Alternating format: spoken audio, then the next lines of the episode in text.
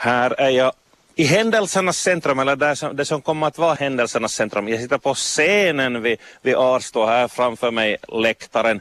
Sitter här, äh, här i Solgassa. Här sitter jag med en av, av skådespelarna äh, och rent av manusförfattaren och regissören också. Jag säger god morgon äh, till Lisbeth Östman och Rafael Frans. Hej på er! God morgon. God morgon, välkommen till Arstu. tack, tack. Ja. Ett, tu, tre så får ni värma mig som skådis här också. Ja. Nå, jag ska försöka hålla mig.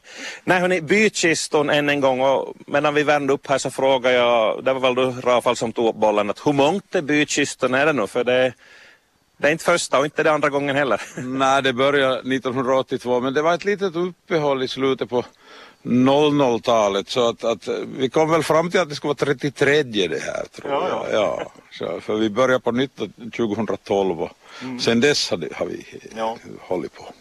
Och bykiston fick väl sen börja med att det var liksom plockurer som har hänt i byn genom åren och det var pjäserna bestod av sådant men nu för tiden så är det nyskrivet som gäller.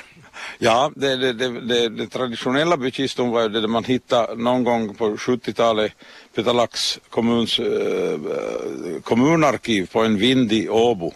Och då, eller alltså bykiston då, ja, och då ja. börjar man plocka, äh, där undersöka det och de händelser, så börjar man dramatisera det och, och presentera det i form av sommarteater. Mm. Och det höll man på då med länge, men sen då så dog det ut någon gång 2007 eller när det nu var. Ja. Och då, och då, men... ni, var på, ni var på kistbottnen då kanske? vi var på kistbottnen då definitivt, jo. Jag har gått igenom det så många gånger. Men då började, när vi började då igen 2012 så då skrev jag fyra pjäser som grundar sig på gammalt material. Plocka lite härifrån och lite därifrån och, och la till och drog ifrån. Och, och det höll vi på med då i fyra år. Men sen då 2015 när det var färdigt så då hade vi inga, då hade vi inga färdiga manuskript i, i bordslådan. Så då tänkte jag, nu, nu måste jag väl kunna vrida ihop en pjäs själv också utan gammalt material. Och så blev det då så 2016. Och då beslöt vi då diskutera att kanske det har överlevt sig själv lite det där historiska. Så då, nu sen dess då så har vi hållit oss i nutid. Ja. Och du Rafael, du har varit med ända nästan från början. Var det andra året du kom med? Uh, ja, från 83 var jag med första gången, men då har jag varit borta däremellan då förstås. Lisbeth, du har inte varit med alls lika många år? Nej, nej, jag har inte. Jag var med från när de började på nytt, jag då, för vad årtal det var? 2012. 2012. Då frågade de om jag skulle vara med och och så sa jag jo, men jag sa jag sjunger ju inte för jag hänger. jag sjunger nog fast jag inte kan sjunga. ja, men det gäller att ha attityd bara och våga. Ja, ja, jo, jag vågar nog, jag vågar bjuda på mig själv. ja. Hörrni, nu närmar det sig igen och det är väl lika kul varje år och nu är det kärlek som är temat. Amor spelar heter pjäsen och då, ja, det är Rafael, du, du som har skrivit den här historien. Mm. Lite sådär utan att ge bort allt nu. Vad handlar det om sådär stort?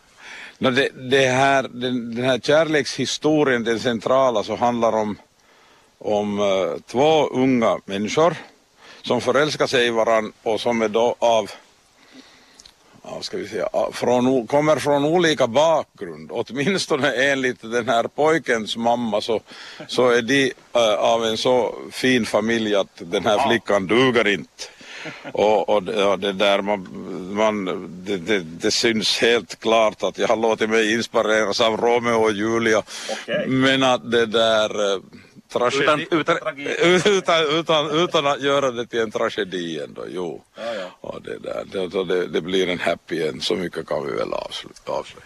Vad bra hörni. Och spelplatsen är ju den den är, Arsto och eh, jag antar att de här visthusbodarna och gården utnyttjas till fullo.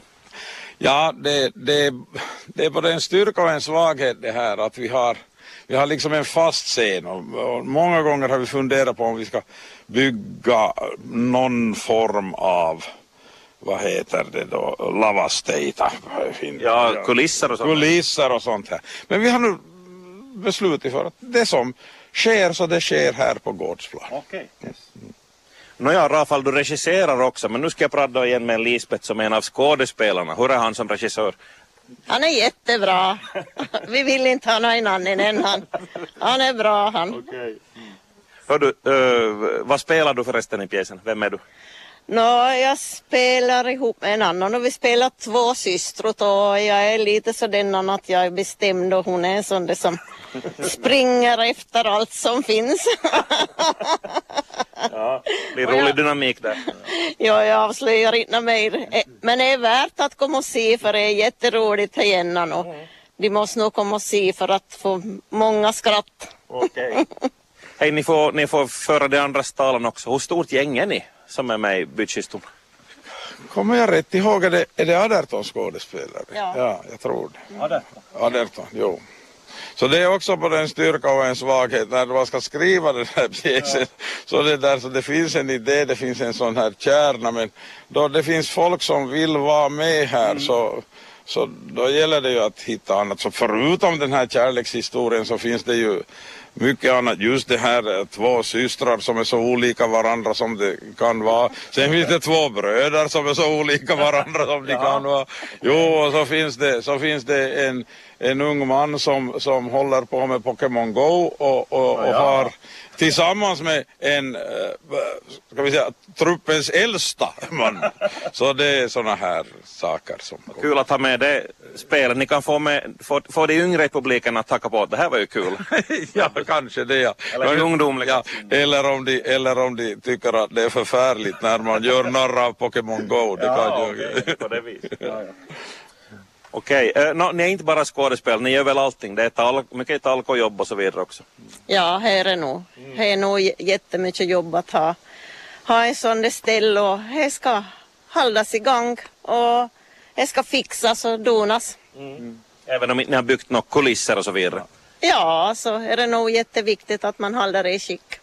Ja, det, det ska ju framhållas att, att, att det finns ju massor med människor som är, som, är, som är av största vikt för att det här ska lyckas. De som, de som aldrig syns på scen och, och det, där, det, det är de som sköter om serveringen och parkeringen och allt sånt här just då när det händer. Förutom allt vad man gör före och efter och, och, och, och så här. Så, så det, det är ju ett stort gäng som är engagerat i det här.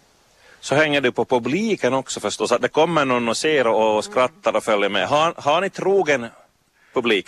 No, vi, har anta, vi har nog en, en, en trogen publik som kommer, eh, som kommer varje år och det där eh, nog, har vi, nog får vi väl vara ungefär nöjda, inte vet jag, nog, nog har vi en stampublik på säkert över tusen personer och kommer det nu tusen till då så där annars så börjar vi röra oss där ungefär som vi förväntar oss att det ska vara. Eftersom ni är ute under bar himmel så det är väderkänsligt. Har ni premiär 5 juli och som jag räknar rätt 10 föreställningar och avslutning på Kilen. Det är väl en tradition det vid det här laget? Ja, jag tror det är en tradition. Det är nu tredje eller fjärde året som vi, som vi, som vi har eh, sista föreställningen på Kilen. Och, och det där, som sagt, premiär då nu på torsdag och sen efter det då så är det söndag, tisdag, torsdag, söndag, tisdag, torsdag fram till, var det den 26 på Chile. 26 så har vi på Chile. Intressant och bra att ni har föreställningar in i veckan också, inte bara veckosluten. Och hörni, vi ska runda av här med Lisbeth Östman och Rafael Frans, men det måste ju säga, hur och var fixar man biljetten? Nå, från, eh, det finns en biljettsida som heter Boka biljett och är av Kerstin Knip. Jag tror det är hon som sköter det och Gunborg Östring kanske sköter det. Men va, jag, jag tror att om man googlar på bykiston så, så är det nog ganska lätt att söka sig fram till det. www.bykiston.fi tror jag är adressen. Du har alldeles rätt, jag har facit här på hand. För en gångs skull. Hörni, med hopp om blå himmel och fullsatta läktare och inga sjukdomsfall under, under säsongen heller. Tack ska ni ha så mycket och lycka till. Eller oj, nej, nu får jag nu, härkas i världen. Hoppas inte ni är vidskepliga. Break a leg. Okay.